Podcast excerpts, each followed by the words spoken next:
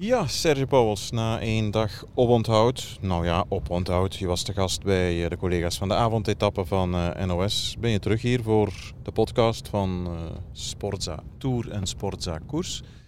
Een etappe, mogen we dat zeggen, met een, eindelijk nog eens met een menselijk gelaat richting Cahors, waar er een kopgroep wegreed, niet omvangrijk. Normale controle vanuit het peloton. Maar geen uur vuurwerk of uh, koers of la bagarre zoals dat dan heet. Hè. Het, was, het was normaal. Ja, inderdaad. En uh, je voelde ook wel dat de vermoeidheid hè, erin is geslopen in het peloton. En ik denk dat dat niet meer dan normaal is. Um, bovendien een rit die ja, toch wel aangeduid stond als, ja, in het boek als zijnde vlak. En dan ga je direct denken aan een massasprint. Dit was een van de laatste kansen op een, uh, op een massasprint. Ja, en dan neutraliseert dat zichzelf een beetje, hè, die aanvallen. Dan uh, is er weinig aanvalslust. Um, dus die combinatie van massasprint en die vermoeidheid ja, zorgde ervoor dat die aanvangsfase eigenlijk niet zo heel, heel lastig was. Een uh, ja, renner of vijf die dan uh, vertrokken zijn en dan mm -hmm. wel een beetje een atypische controle vanuit het peloton. Hè. Peloton dat er precies toch niet gerust in was, want die, die vijf kregen heel weinig voorsprong. Um, Had dat te maken met de kwaliteit van Mohoric, van Politz? Denk het, ja, ja absoluut. Um, en ook het feit dat ja, al de rest wat je aan zo'n um, aan zo'n koproep als voorsprong geeft, ja, dat is natuurlijk ook maar extra tijd die dat je moet goedmaken. Hè.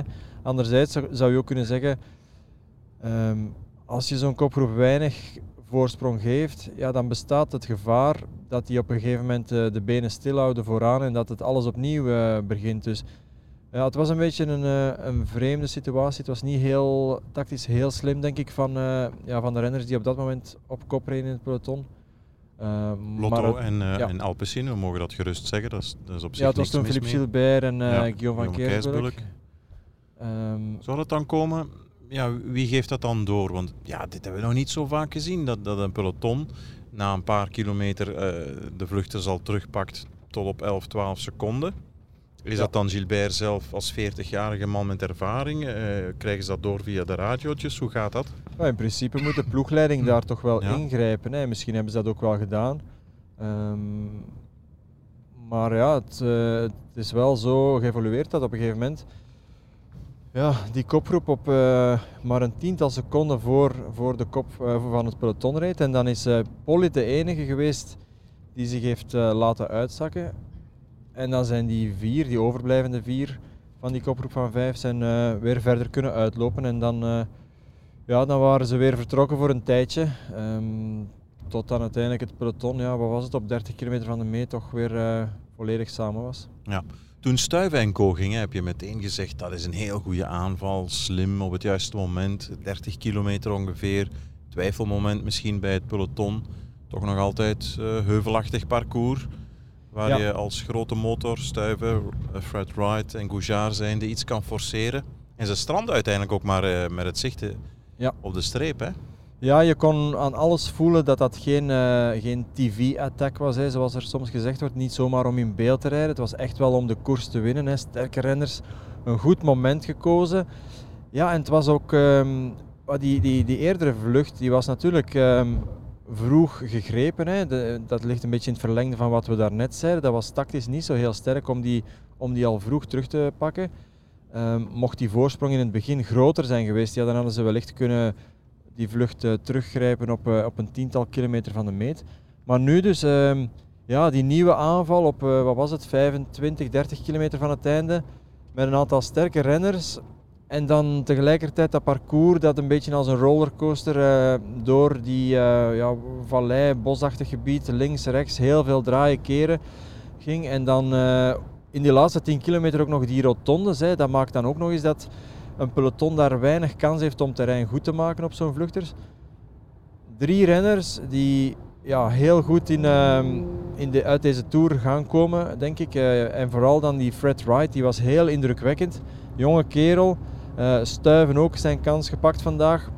En uh, Alexis, Alexis Goujar, dat is natuurlijk een hardrijder, had het ook al eens geprobeerd op weg naar um, Carcassonne met Benjamin Thomas in de finale. Dus ja, dat was een goede ensemble. En um, ja, dan duurde het eigenlijk tot de laatste kilometer dat, uh, ja, Christophe Laporte de oversteek maakte. En dan, ja, heel onverwacht eigenlijk. Hè. Hij ontliep uh, die massasprint, want we kunnen niet, zeg, niet, echt zeggen dat Christophe Laporte de sprint won. Hè. Hij heeft echt die, die, oversteek gemaakt naar de kopgroep in, uh, ja, in de laatste kilometer. En dan was het uh, Fred Wright die eigenlijk een ultieme poging deed op de laatste 800 meter, hè, op die stijgende aankomstzone. En Stuiven die wilde niet plooien, die heeft dan geprobeerd om dat gat toe te rijden. En op het moment dat uh, ja, Stuiven dan uiteindelijk wel brak en, en niet meer echt het gaatje kon dichten, ja, dan is Laporte gewoon erop en erover gegaan. Heeft hij eigenlijk een sprint van 500 meter gereden. En dan ja. stond er niemand meer op de foto. Het was Philipsen die dan uh, ook wel over, uh, overweldigend uh, of met overmacht de sprint van het, van het peloton nog won. Maar ja, ik kwam wel te laat natuurlijk. Want als we nu die voorbereiding van Jumbo-Visma eens goed analyseren, de functie van Wout van Aert, wat hij doet. Hij begint op kop te rijden. Dat gat met Stuiven en Co blijft 10 à 11 seconden. Hij rijdt het niet dicht. Zet zich dan op 3 kilometer van de streep aan de kant. Dan is Laporte, uh, zeg het zoals het is, aan zijn lot overgelaten. Doet hij dat alleen?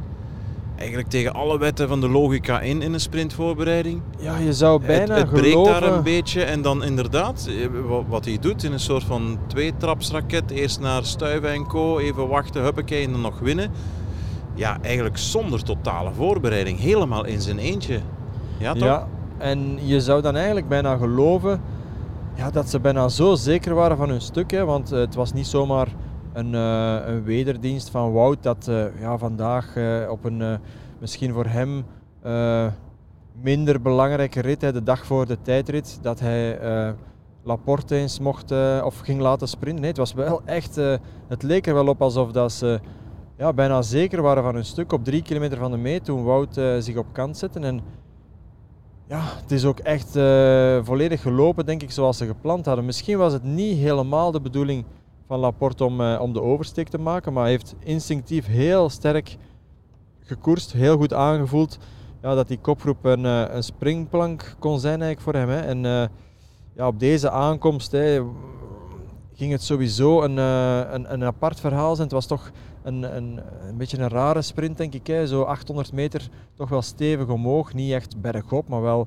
ja, vals plat of iets meer dan vals plat. Dus ja, en uh, opnieuw een heel, heel sterk Jumbo-Visma dat uh, vandaag wel met een Fransman wint.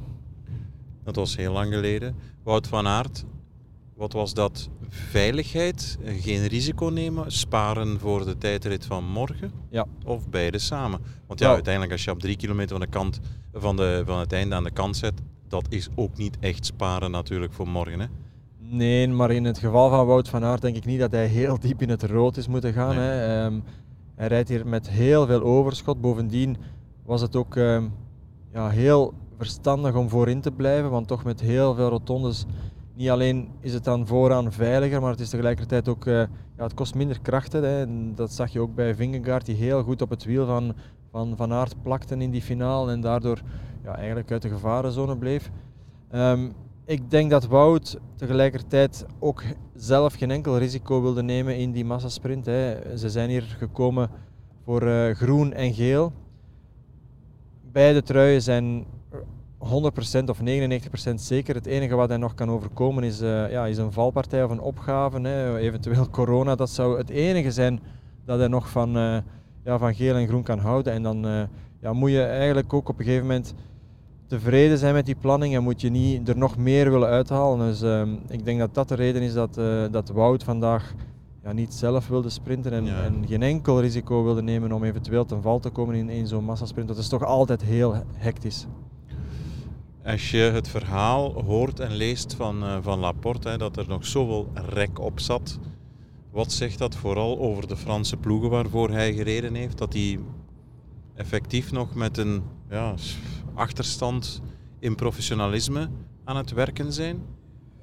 Ja, het is niet, niet zozeer de Franse ploegen. Hè. Ik hoor bijvoorbeeld ook meteen uh, Philipsen zeggen na de aankomst in zijn interview ja, dat zij achterstand hebben op hoe dat ja, Jumbo-Visma georganiseerd is. Hè. Ze doen waarschijnlijk alle dingen heel goed. Hè. Um, ze halen het meeste of het beste uit een renner naar boven. En dat is in het geval van, van Laporte ja, een heel, uh, heel duidelijk iets. Hè. Um, Laporte die ja, vorig jaar nog bij, bij Cofidis reed. En ik herinner me een uitspraak van uh, Jempy Drucker onlangs, die, die me vertelde dat hij toen hij de dag voor Dwars door Vlaanderen met uh, Christophe Laporte op de kamer zat, toen was uh, Jempy Drucker naar de koers aan het kijken van, naar de editie van Dwars door Vlaanderen van het jaar voordien.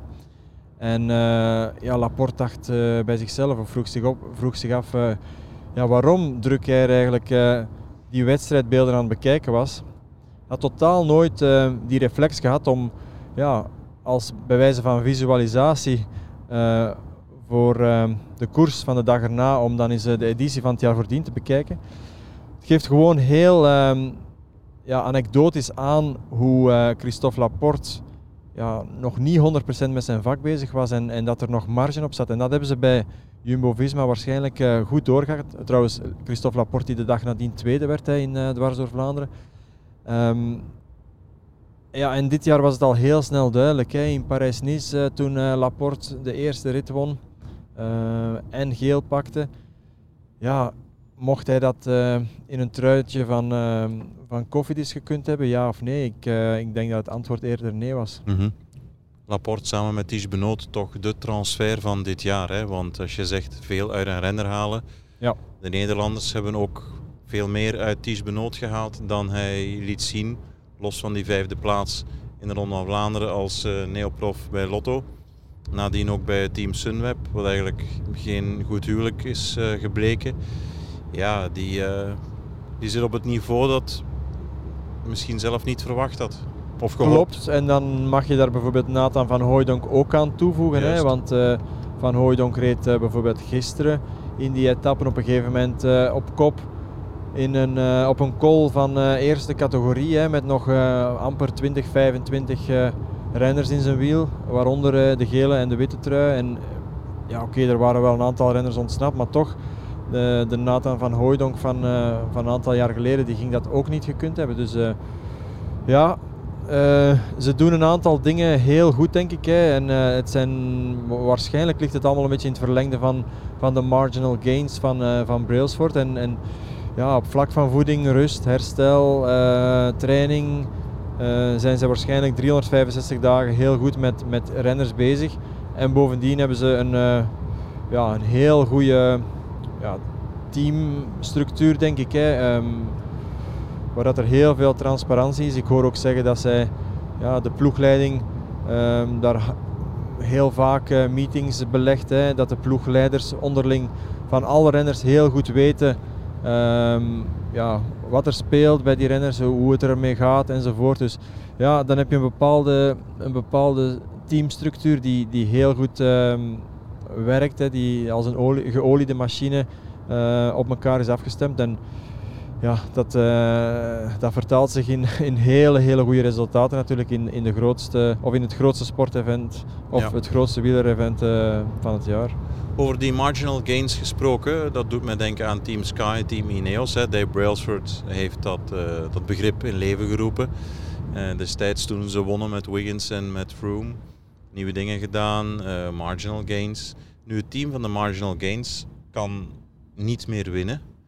In deze Tour um, ligt dat aan de kwaliteit van de renners. Zeg jij ja, met Martinez en Adam Yates, eigenlijk wisten we dat op voorhand. We missen hier een goede de goede Egan Bernal van 2019. En laat ons eerlijk zijn, met een Grant Thomas is dit het hoogst haalbare. Op die derde plaats wordt wel al op vijf minuten en meer gefietst. Hoe bekijk je dat? Die marginal gains bij team uh, Ineos vinden blijkbaar geen aansluiting bij die van uh, Jumbo-Visma? Wel, ik denk dat Geraint Thomas wel een, een hele goede tour rijdt natuurlijk. Hè. Derde in Parijs gaat hij worden. En ja, zoals je zegt, het is het hoogst haalbare. Je moet natuurlijk uh, ook rekening houden met het feit dat Garen Thomas al 35 is. Um, dus ja, die individuele kwaliteit is nog altijd wel heel belangrijk. Het gaat erom dat je er het beste uithaalt. Vingegaard, ja, die zat een aantal jaar geleden nog bij een klein ploegje. Maar ze hebben wel heel goed gezien dat die jongen enorme kwaliteiten heeft en daar zijn ze dan mee gaan werken. Ze hebben ook al rond het mentale gewerkt, heb ik, uh, heb ik nu gisteravond uh, vernomen. Want uh, stress dat was bij hem een, een, heel, ja, een heel groot probleem en hij had daar echt moeilijkheden mee, liep daarin vast. Ja, dat zijn dingen die ze allemaal hebben aangepakt en, en ja, op elk vlak hebben ze, of op elk terrein hebben ze bij heel veel renners ja, goed gewerkt en, en die, die, die presteren nu gewoon allemaal op topniveau op hetzelfde moment. en dan krijg je natuurlijk een heel succesvolle ploeg. Ja, tot slot, kijk eens naar het profiel van de tijdrit morgen. 40 kilometer, Rocamadour, uh, vlak. Wout van Aert, topfavoriet? Ja, ik denk dat uh, Wout van Aert topfavoriet is voor de tijdrit. Uiteraard is iemand als Ganna op, een, op zo'n tijdrit, mocht het een eendagskoers zijn, misschien wel een grotere favoriet nog. Maar de manier waarop dat Wout van Aert uh, ja, hier rondrijdt, ja, dan kan je niet naast hem. Hè. Dan, uh, dan moet je gewoon zeggen dat hij de absolute favoriet is om morgen die tijdrit te winnen. Wordt wel interessant tegen Ghana, want Ghana hebben we de laatste 9 à 10 dagen niet meer gezien. Oké, het waren de bergen, dat is natuurlijk niet zijn terrein. Maar heeft wel relatief gesproken, ik moet altijd met twee woorden spreken in het geval van Van, van Aert, ietsje minder energie verbruikt met dat het oog op deze tijdrit morgen. En dat zal een WK, Brugge, vorig jaar, België, Vlaanderen, revisited zijn. Hè? Ja, dat is waar. Ik denk uh, dat Ghana zich uh, bewust uh, gespaard heeft in de, in de voorbije ja. dagen. Hè. En dat kon ook wel enigszins in zijn ploeg. Hij had natuurlijk wel Garen Thomas die, die derde stond in de stand, maar op zich hebben zij niet het gewicht van de koers moeten dragen. Dat heeft Wout veel meer gedaan. Anderzijds, ja, um, als we dan terugdenken aan die beelden van bijvoorbeeld gisteren, hè, Wout van Aert die op Hotakam derde wordt. Ja, moet ik het nog zeggen dat hij in de vorm van zijn leven rijdt? Natuurlijk niet. Hè. Dus ik, uh, ik, ja, ik ben echt wel benieuwd. En ik ben ook benieuwd bijvoorbeeld voor uh, Yves Lampaard, hè, die, die toch ook wel zijn zinnen zal gezet hebben op die tijdrit na zijn uh, overwinning in de, in de proloog in Kopenhagen. Dus ja, er zijn nog een aantal dingen die spelen. Ook in die top 10 zijn er nog verschuivingen mogelijk. Hè, rond Mijntjes, positie van Mijntjes denk ik 5, 6 en 7 ongeveer. Um, daar kan er nog iets gebeuren, Vlaasov, uh, Godu. Um, dus ik ben, uh, ben wel benieuwd voor morgen. Um, in de eerste plaats voor, uh, voor Wout van Aert. Het, duel uiteraard tussen geel en wit is, is niet meer echt aan de orde. Hè. Vingegaard staat drie minuten of meer dan drie minuten voor op Pogacar. Dat ja, gaat geen probleem meer zijn. Hij moet gewoon recht blijven op zijn fiets en niet zoals zijn landgenoot een aantal jaar geleden, Rasmussen, uh, in, uh, in die tijdrit op het einde van de Tour 7 minuten verliezen. Ja.